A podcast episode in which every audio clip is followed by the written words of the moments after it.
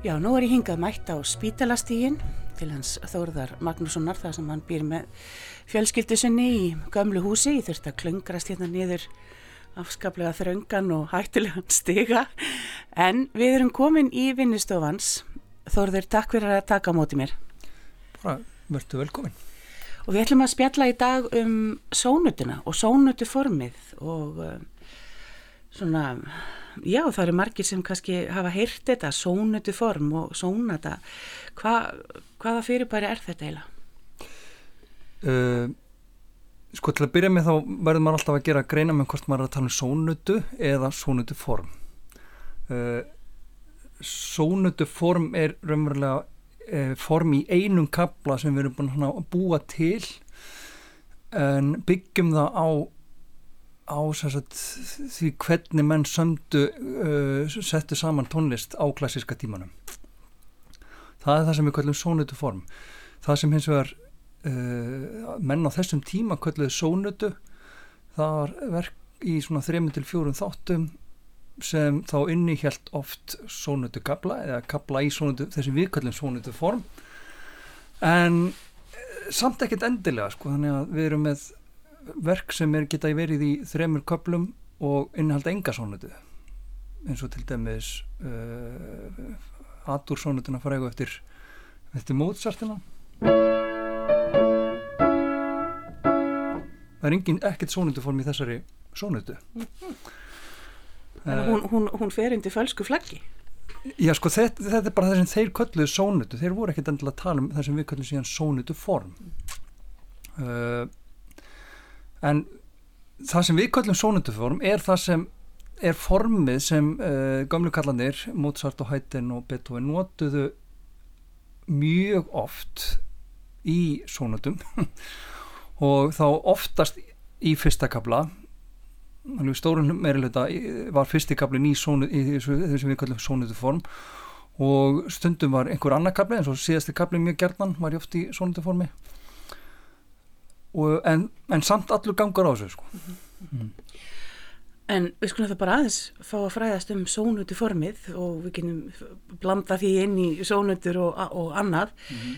um, Nú er þetta svona í einföldustum skilningi er þetta A stef B, annað stef mm -hmm. og svo A A, B, já, A Já, þetta er Sónatan skiptist uh, núna, við, sagt, eins og við skilgjum hennar núna, þá, þá skiptist hún sagt, í það sem við kallum framsögu, það sem hennar uh, eru no, uh, að minnst okkur til tvær laglínu kynnta til sögunar og þær eru alltaf í sikkori tóntegund.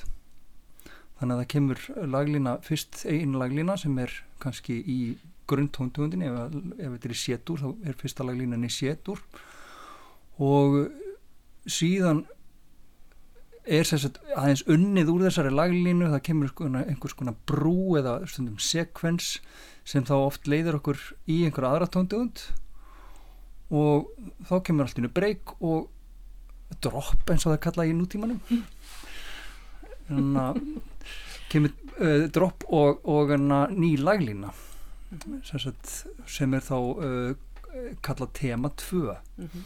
og það er þá oftast í einhverju annari tóndugund heldur en fyrsta heldur um fyrsta temað. Mm -hmm.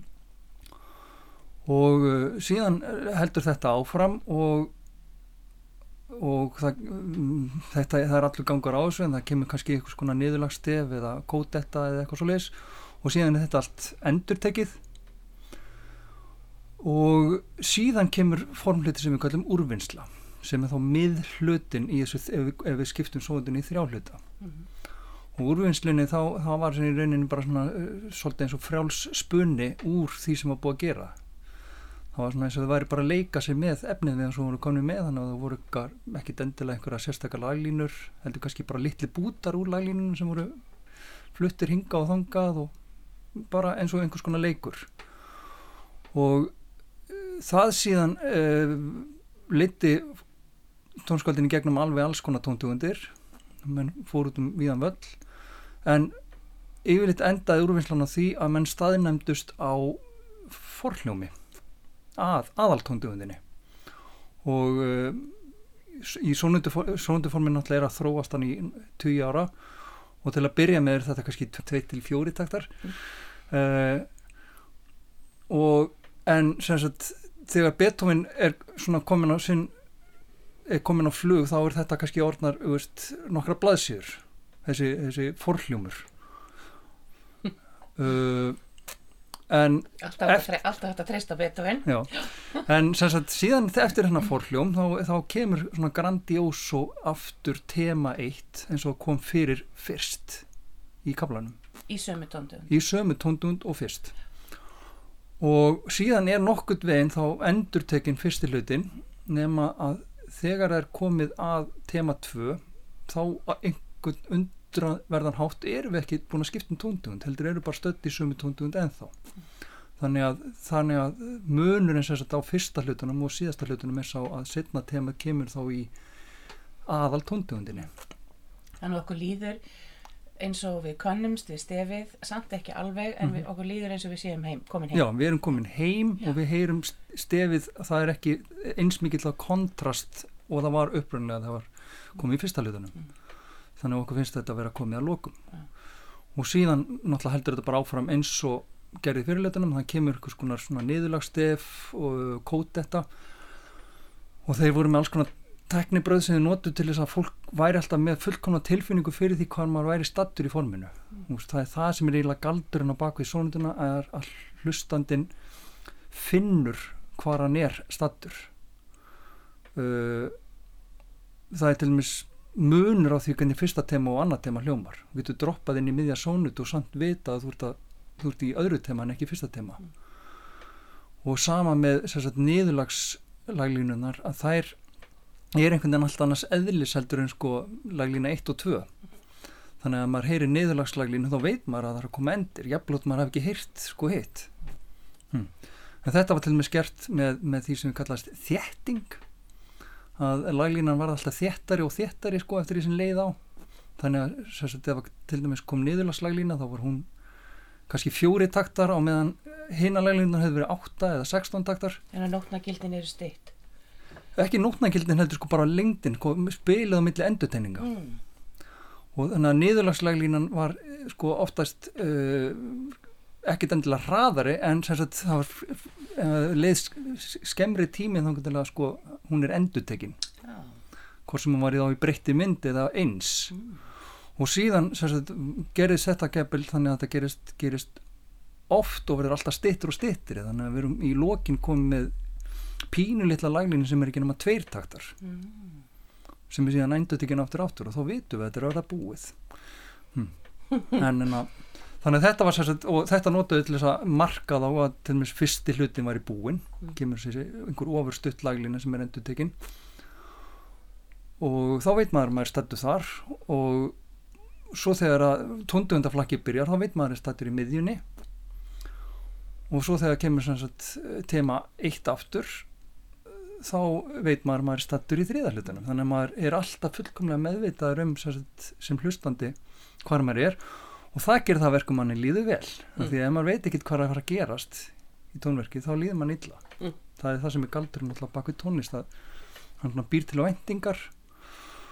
Og oftast uh, heldur tónlistin áfram í samræmi við þessa væntingar sem hlustandinn hefur.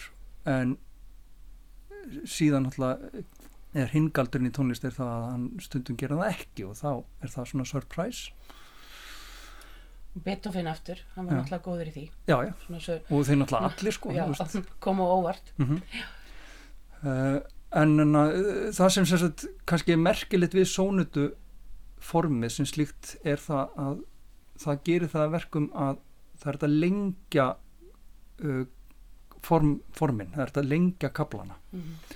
uh, menn höfðu sami löng tónverk fyrir aldum en, en þau voru alls samsett úr mörgum stuttum köplum, getur við sagt Mm.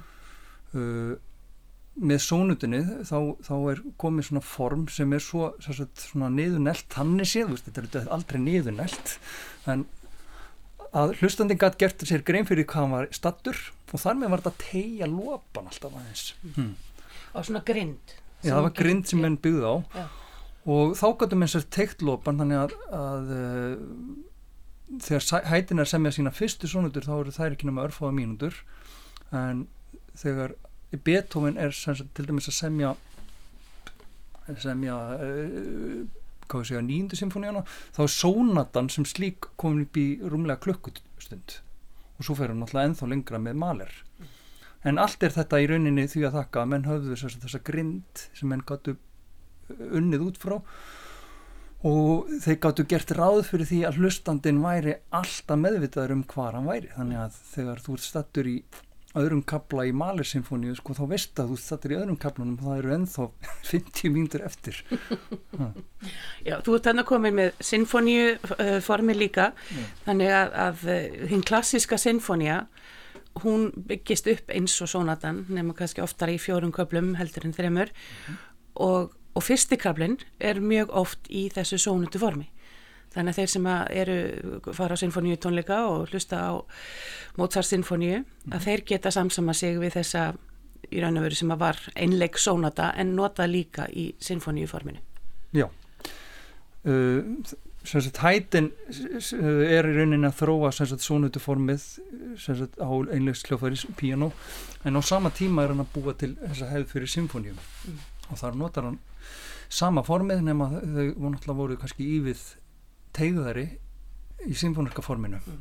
eitt sem ég langaði um þetta að koma að er að, er að sónandan kemur sérstaklega fram á tíma sem við nefnum klassíska tíman uh, í, það er svolítið rugglandi í mörgum öðrum greinum listgreinum þá er þetta kallað nýklassíski tímin mm.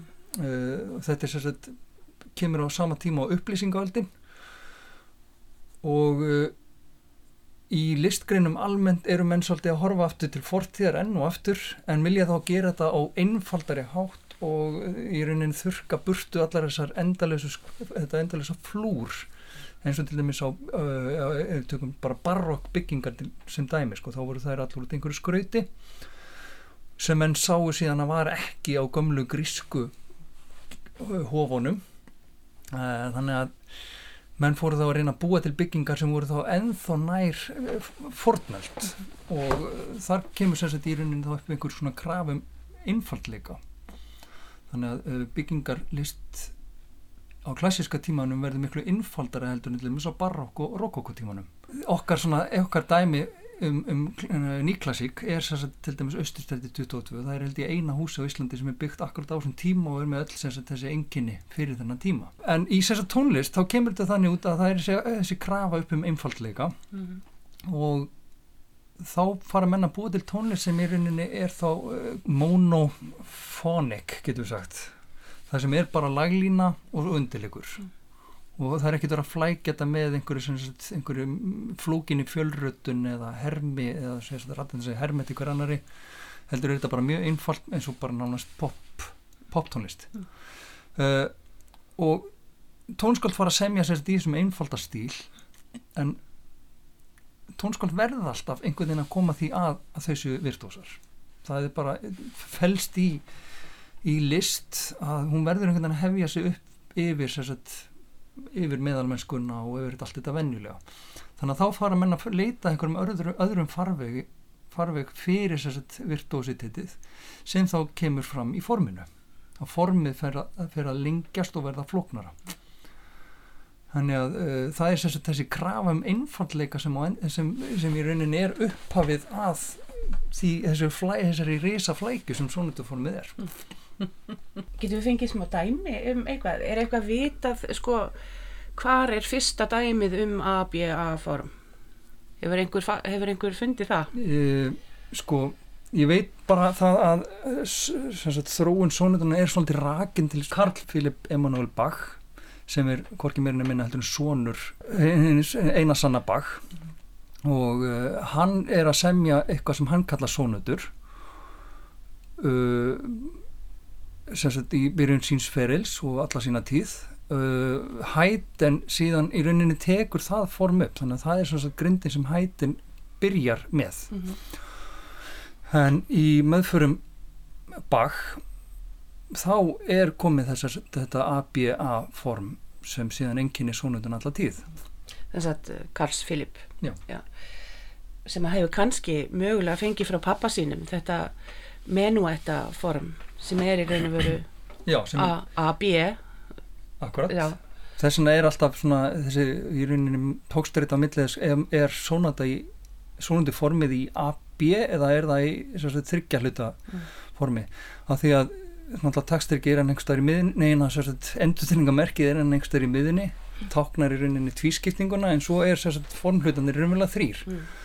uh, sonata það sem Bach var að gera þá er er raunverulega sagt, bara áframhald af því sem menn voru búin að gera um aldir. Uh, sonata njóttur uppræðanlega bara nota til þess að aðgreina hljóðfara tónlist frá sunginni tónlist. Þannig að sonata var uh, tónlist sem var spiluð engung á hljóðfæri og meðan kantata var eitthvað sem var þá sungið. Uh, en, en smátt og smátt fara menn að nota þetta nafn yfir þá músík sem er svona knöpp stutt stuttir kablar, þæ- þægilegir getur við sagt, ekki, ekki einhver svona flókna fúkur. Ég er nú bara að fatta í fyrsta sinn munin á þessu sko, ef það er kantata þá er náttúrulega kanto að syngja og sónata, náttúrulega sónó að, að hljóma. Að hljóma, já, þaðan kemur þetta. Og ég er hér orðin meirinn 50 ára gömul og búin að stúdira tónlist alla, alla tíð og ég er að fatta þetta núna Ó, þegar ég sitt við hliðina á þér. Er alltaf, ég er að, reyndar að fatta alls konar hluti en það sjálfur sko, er reyndar að því ég datt hún í eh, ég kemur þessum máli ekkert við, ég datt hún í vídeo á YouTube sem heitar Early Music Sources. Já. og þetta er alveg ótrúleg ótrúlegu fróðleikur sem er hana um gamla tónlist sem ég er ekki að þá að tala um þetta er eldri tónlist Já.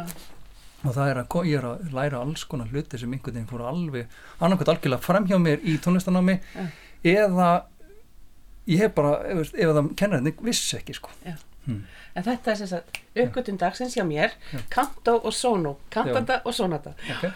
En sko, við ætlum að fá svona til þess að lefa hlustundum aðeins að þetta er búið að vera mikið spjall og kannski hérna svona til þess að sína sína þetta í verki. Þá ertu með hérna smá einhver dæmi. Mm Hva, hvað ætlar að lefa okkur að heyra fyrst? sko ég drónum bara einfallega fram uh, fyrstu sónutu Haydens uh, svo sem er mér bara númer eitt og hún er frá því 1766 þannig að þetta er svona árdagar sónutunar Hún er frekar stutt. Hún er mjög stutt, hún er ekki nema ein og hálf blaðsíða. Uh, samanber sko Beethoven sonutur eru kannski þú veist, 20-30 jafnvel, eða meira. Mhm. uh, og en allir þessi þættir sem, sem eru einkennandi fyrir sonutur koma samt hana fyrir í þessu stutta formi. Þannig að við erum með laglínu sem er sem er áttataktar og svo kemur tema 2 sem er líka áttataktar og svo kemur einhvers konar Úrvinnsla uh, loka stef Já. sem er ekki, ekki nema kannski ja, ef, ef, ef, þetta er átta og koma aftur inn á þá eru síðasta loka stef ekki nema bara einhverjir fjóri taktar. Mhm. og síðan kemur þá endurnimerki fyrir, fyrir þennan formluta og síðan hefst úrvinnsla. Lefa okkur að heyra fyrsta stefið. Þannig að fyrsta stefið er einhvern veginn svona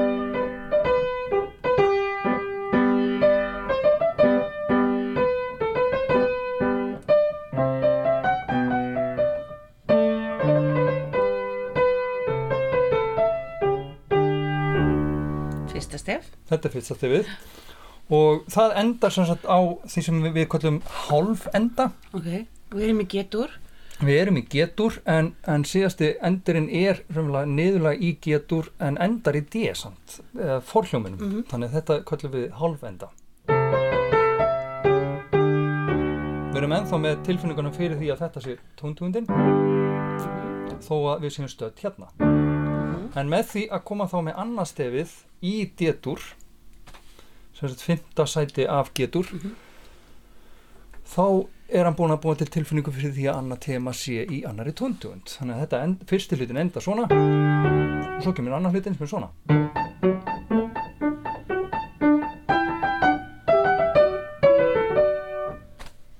Og þetta er þá annað temað Mhm. og það heldur áfram svona.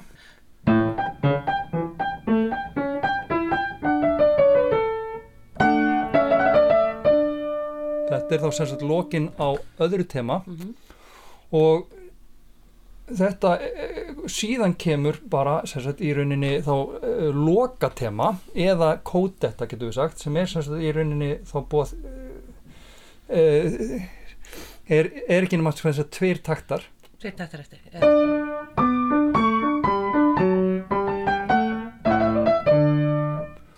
Og sem er, þetta er raunverulega hérna í þetta skipti er þetta ekki annað heldur bara svona lítið niðurlag. En þetta er sagt þá er rauninni prototípan af því sem að kalla sagt kódetta. En í sónutum setna þá hefur þetta kannski verið uh, endur ekki já. komið nokkur sinnum Og og, lengt, og og búið, búið til sagt þessi þétting. Mm Og svo við endum þarna í, í D-dur og þetta er endur tekið síðan og þá er það úrvinnslan. Já, svo kemur úrvinnslan og í, þetta, í, þessari sónut þá byrjar úrvinnslan í D-dur, það sem við endum en strax uh, í rauninni er D-durinn gerður af forhljómi þannig að við erum þá raunverulega aftur strax í G-dur En við heyrum að þetta er þetta þema, þetta, þetta punkt, þessi punktur að nota dattara. í rauninni það sem hann gerir þarna er að hann blandar saman uh, stefi 1 og stefi 2 Mhm. og þetta er svona típisk eitthvað svona sem menn gera í, í sónutuformi í úrvinnslinni er að leika sem er stefin og þarna kemur hann annars vegar með þetta Aha. sem er, kemur úr fyrsta temanu og svo kemur hann með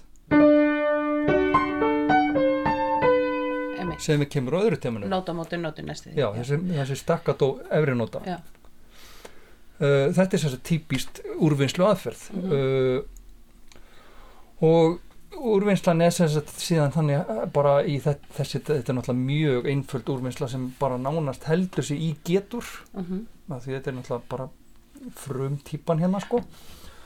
Nema að þegar sem sagt, að það kemur uh, einhvers konar niðurlögina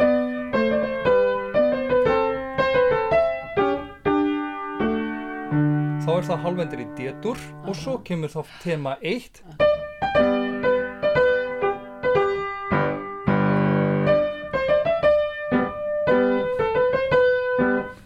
og sem er þá endurtekning á fyrsta temanu. En þannig er hann búin að bæta áttundu mínu niður til þess að gera þetta svolítið svona grandioso. það var akkurat þess að ég grandiós og það þurfti einhvern veginn að gera þetta. Þetta er mikilvægur partur af sondiforminu og þarna áttu öllum að leta lóðröfulega Já. loksins komin að Einmitt.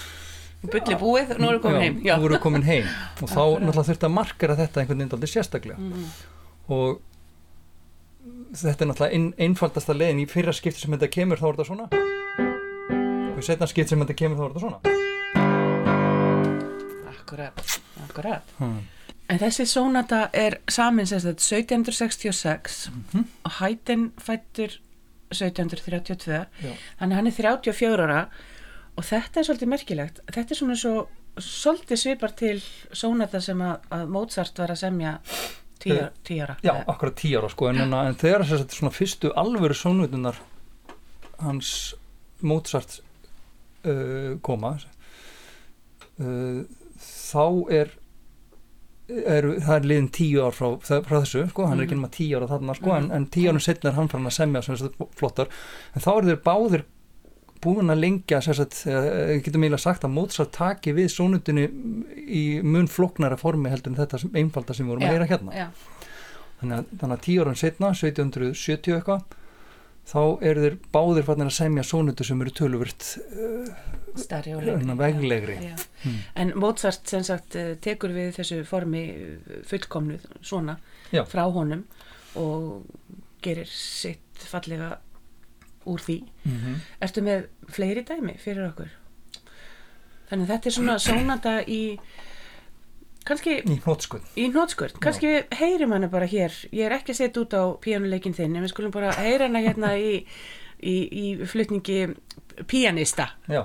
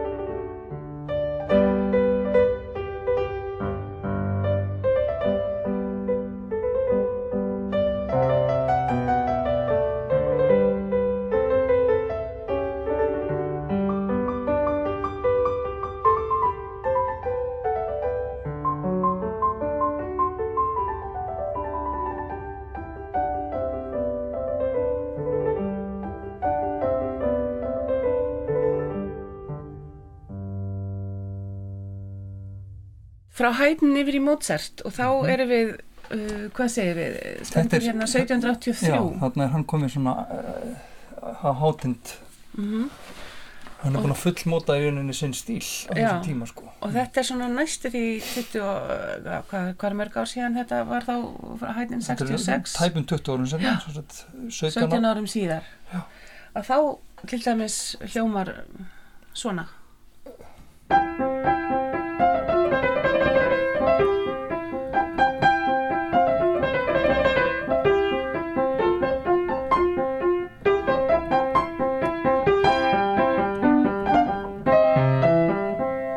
Fyrsta tema. Fyrsta, fyrsta tema.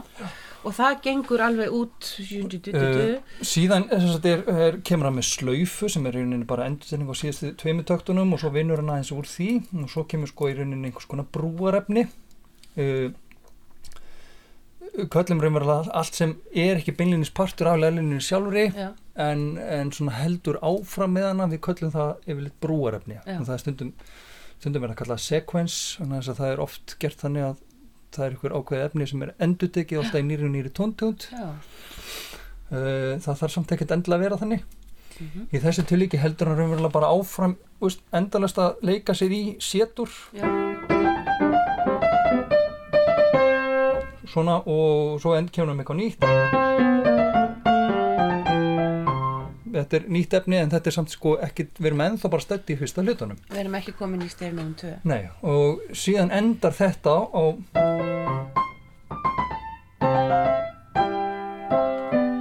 á svona þess að hálf enda alveg eins og hættin gerði hérna rétt á þann og þar kemur þá tema 2 eða þar kemur uh, nei, þetta er umverulega ekki tema 2 við erum ennþá stödd, við erum búin að mótulega hana við erum ennþá stödd í einhvers konar Einhvers konar yfir...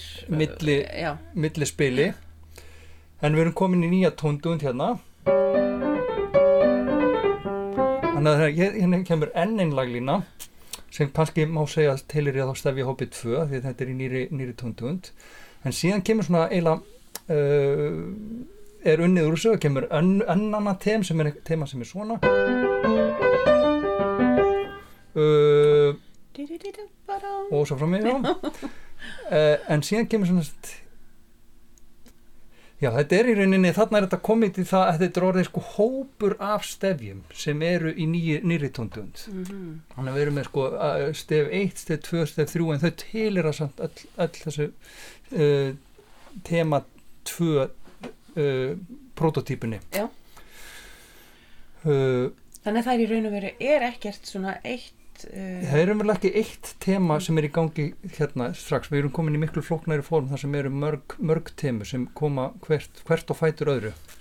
En ég man eftir svona þegar ég var að læra hérna í gamla dagum svonundu formið þá töluðum við stundum um það að sko ef að fyr, fyrra stefið væri svolítið svona skart eins og þetta er um, Þá það væri setna stefið aðeins lýriskara. og, og lýriskara þetta var einn af þessum eitt af þessu sem menn gerðum til þess að markera sko hvar menn væri stattir í forminu. Mm að þá var svo fyrsta tema oft einhvers konar bara statement. Það er bara yfirlýsing hér er ég. -hmm. og sem gæti að falist í því að að þenn að að laglínan var kannski ekkit annað heldur en bara brotin hljómur eins og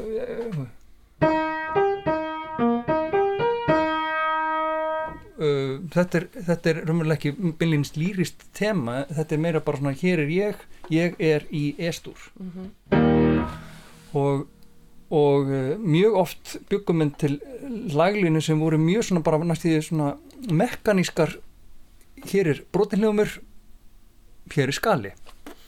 Og að vissuleiti er þessi laglína hérna hjá Mozart þú veist ég er umvel bara skalina niður og síðan gefum brotinhljómur Setur. Þannig að þarna er, er bara að vera markara hér er skali í setur og hér kemur brotinhljómur Mhm. og þannig voru sérstaklega þá fyrsta tema mjög oft konstruktera, en þetta er ekkit algilt þess að það er líka til fylgta svonundum þar sem fyrsta tema er rosalega lýrist og fallegt en svo kemur annað tema sem er kannski akkurat öfugt. En þau eru, þau eru yfirleitt mismunandi. Já, já það er oftast þannig einhvern munur á. Mm og svona í ég myndi segja oftar en ekki væri að- það væri að svona, að fyrra tema væri svona dálítið, ekki bylins söng, sönghæft Mhm, mhm. en setna þemað er alltaf lýrist og það er þannig sem að, sem að þekkir það þó hljómrænt að því að uh, þeir þurftu að, að byrja með stef fyrsta stefið í aðaltóndugundinni og síðan einhvern veginn að töfra sig inn í það að annars stefið væri í sömu tóndugund Mhm. þá, þá var það líka gert að þeir brugðu oft á leik þannig eftir, eftir innkomu fyrsta temas í sérsett ítrygguninni Jaha. Þegar við erum búið með úrvislunna komin aftur heim. Og þá í staðin fyrir að, að, fara bara alveg þessum leiðleikur þá fóru þeir svona í smá úturdúr og leikuð sér gjarnan. Og það er kannski ekki alltaf í öllum sóndum en, en það er alltaf svona einhver, einhver breyk það sem, sem er skipt á milli. Mhm. það sem þetta gerist hérna þegar hana sem sagt, annar stefja hópurinn kemur til dæmis kemur í þessari sónutu sem byrjar hérna. Þá enna kemur hérna breyk uh, við erum komin, við erum sagt, stödd í raunverulega í uh, hálfenda getútnum eða sagt í fintasættis uh, hljómnum. Mhm.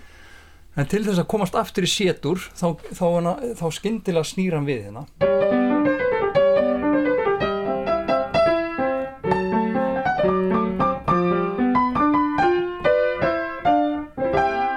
hann komin aftur í Og sétur og í þá kemur hann aftur með samastefið og og síðan heldur hann bara áfram núna. Og nú er í rauninni allt sem kemur á eftir er bara nákvæmlega endurtenning á því sem kom fyrir í framsögunni í fyrsta Nema. hlutanum. Nema í sétur nema í sétur en ekki getur getur.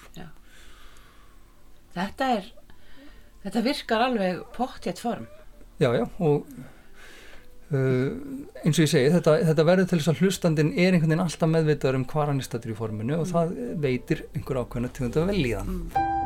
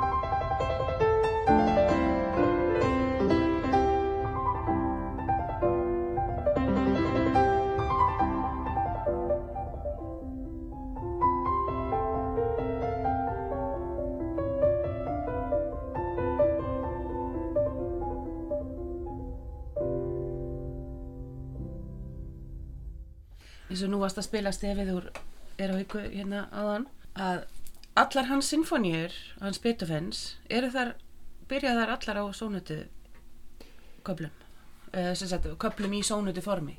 Nú þarfst að hugsa aðeins. Ég þarf að hugsa, ég ennbla hef ekki greint þar til þess að ídra það allar hver einstu symfóníu Beethovens en ég held það já. Já, ég held að, að allir fyrstu kaplanir í öllum symfóníunum að séu til formi. Mhm.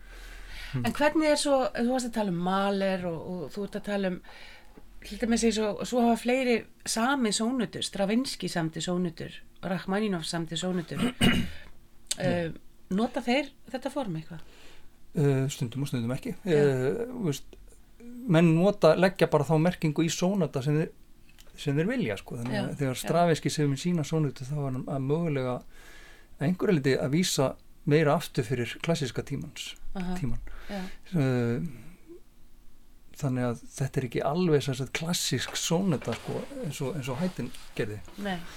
Hann er í rauninni að fara lengra tilbaka. Mhm, uh, og síðan er bara í rauninni allur gangur á sig ég sjálfur sami verk sem ég kallaði sónutu en var bara ekki, ekki nálægt í neitt líkt sónutu En hún, hún sónar, eins og við segjum, hún hljómar. þá er ég bara að vísa í það að þetta er bara verk fyrir Þetta er hljóðfæri. verk fyrir hljóðfæri, en, en, sagt, en það sem sónutuformi þess að nefndi ég malir er það sem sónutuformi gerir tónsköldum kleift einhvern veginn að, að tegja lopan og uh, lengja formin. Mhm.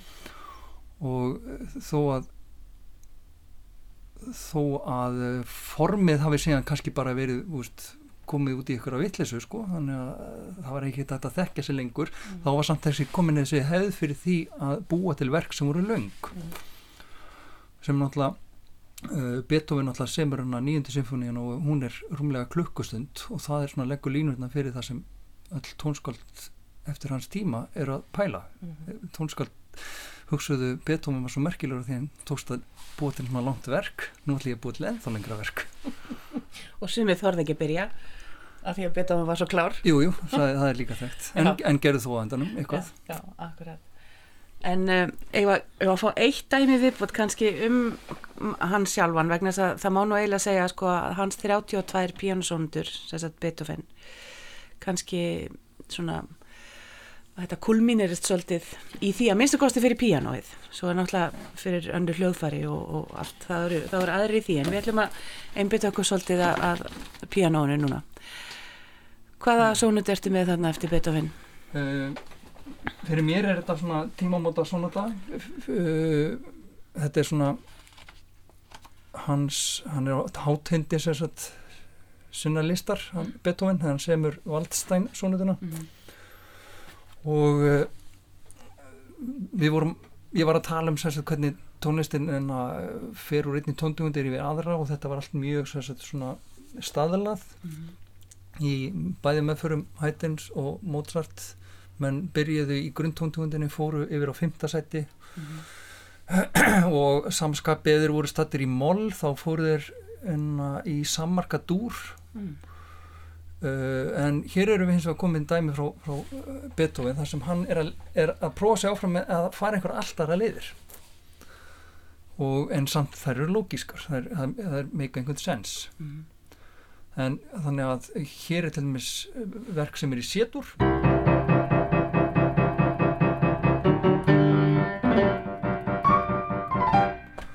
og síðan kemur annað tema einhvern veginn nokkur eh, tveim blóðsins einna og það er þá allt innu komið í etur.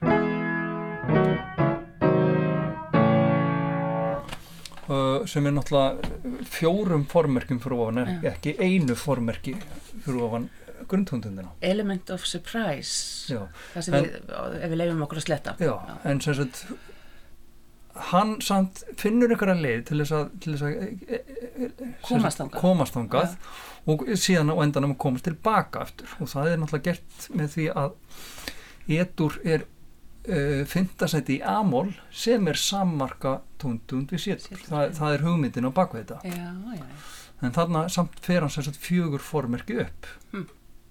með því að nýta sér sem sagt þetta. Þessa tvíræðin í hljómana já, akkurat. Þannig að svo heldum við áfram þarna ef aðeins að svo leifum við þess að hljóma í lókþáttar Uh, kíkjum aðeins á stefja efnið. Já, þannig að við erum með uh, í rauninni fyrsta tema sem er í rauninni ekkert annað heldur en bara hljómagangur, úst.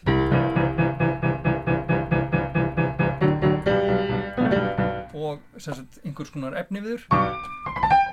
Mm -hmm. Síðan er þetta endur tekið.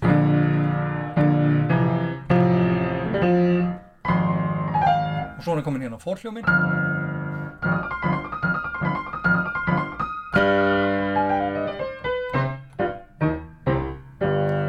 Er hann allt í nau endar hann sérstaklega fyrsta hlutan á því að vera komin í, í C-moll. Þannig að hann er strax verið að sína það hvað hann ætlar að gera í verkinu, hann fer út um víðan völl. Og það er, bæði vegi, það er akkurat í hina áttina getur við sagt, þannig að hann er að fara lengst í hina áttina til þess að geta síðan komist, gert áhrifamikið þegar hann fer aftur tilbaka, aftur tilbaka og alla leiðina í hina áttina sko. ah. þannig að við erum að hann er komin þarna uh, í ég veit ekki hversu margir eru tónfræði mentaðir sem er að hlusta en, en, en sem við erum komin hann að byrjum með ekkert fórmerki og eru strax komin með þrjú B. Ja. þrísasennu niður fimmundarhingin mm -hmm. og síðan erum við á leiðinu upp í hináttan að fjóðfórmerki upp. Gera þér betur. Já. Já. og allt virkar þetta. Og allt virkar þetta. Og þetta er svona bara áskorinn sem hann býr til fyrir sjálfa sig. En vantilega hafa þeir sem hefur verið að hlusta á þetta þannig að 1800 hvað? 1803 1803, þeir hefa kannski rockið út Já, já, og þetta já. hefur verið að eins og þú segir element of surprise á sínu tíma uh, síðan náttúrulega taka allir þetta upp og þetta hættir að vera eitthvað surprise uh, á romantíska tímana þá voru svonutur nánast uh, undandengjan að löst un, að nota þess, þetta samband á milli til dæmis sétur og, og sémól Já. Þannig að uh, músikinn gætt flakka á millis að vera í sétur og estur sem er sagt, sammarka dúr við, mm. við mólin þannig að notu grundtónin í sémól mm. til þess að leiða sig yfir í estur. Mm. okkur finnst þetta mjög eðlilegt og þetta er síðan orðin mjög eðlilegt. Að Já. á romantíska tíma þá nýttu menn sér þetta alveg fram og tilbaka þannig að það er eiginlega þannig að getum líka einmitt bent á sem dæmi um það er að fyrstu sónutunar þá ef það er í mól þá fara það í samarka dúr uh, romantísku sónutuna þær gera það svo mikið bara strax að það hefði ekki haft neina þýðingu að setja setna temað í samarka samarka dúr já, já. þannig að það hefði ekki verið nógu tilkomið mikið þannig að þeir þurftu að fara einhverja ennþá lengri leið Akkurat. til þess að gera annað temað einhvern veginn er látað það standa út Þá þegar orðið svolítið erfitt hvernig er það í dag? Er hægt að búa til eitthvað element of surprise í dag? Uh, það er náttúrulega orðið æg erfiðar það er nú á tímum hmm. Mm. en einhvern veginn mun einhvern takast það einhvern tíman ég, ég, ég, veit ekki, ég veit ekki hvernig ég ætla að gera það. Nei, þú ert bara hérna í, í, í vinuherbygginu og hugsaður um það dag og nótt. Þórður Magnússon takk kjallega fyrir þetta áhugaverða spjallum sónundur. Ég vona hlustundur séu, eða sónundur formið, skulum við segja, ég vona hlustundur séu einhverju nær og næst eða þeir sitja á sinfoníutónlengum eða hlusta út í sala og einhverja fallega sónundu að þá kannski svona geta þér greint eitthvað þó að maður þurfi náttúrulega alls ekkit að skilja til þess að, að kunna meta. Nei, þetta er einmitt það sem ég segja við hólku er að, er að það kemur til mér og segist ekki að hafa kunnað að meta eitthvað tónlist, tón, einhverja tónlist en uh, það, það sé ekki að marka það vegna þess að það er einhvern skilning að því þá segir ég að þú, þú í rauninni skilur þetta miklu betur en þú heldur. Mm. þetta er bara það sem þú heldur og þess vegna fílar það ekki. Þannig að það er ekki þannig Takk kellaði fyrir. Bara takk fyrir sem ég leys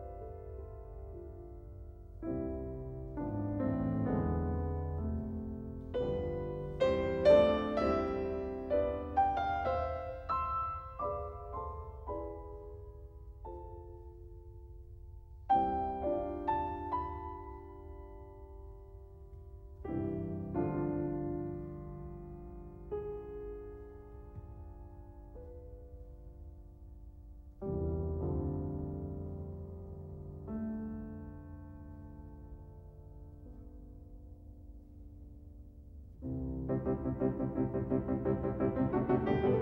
you.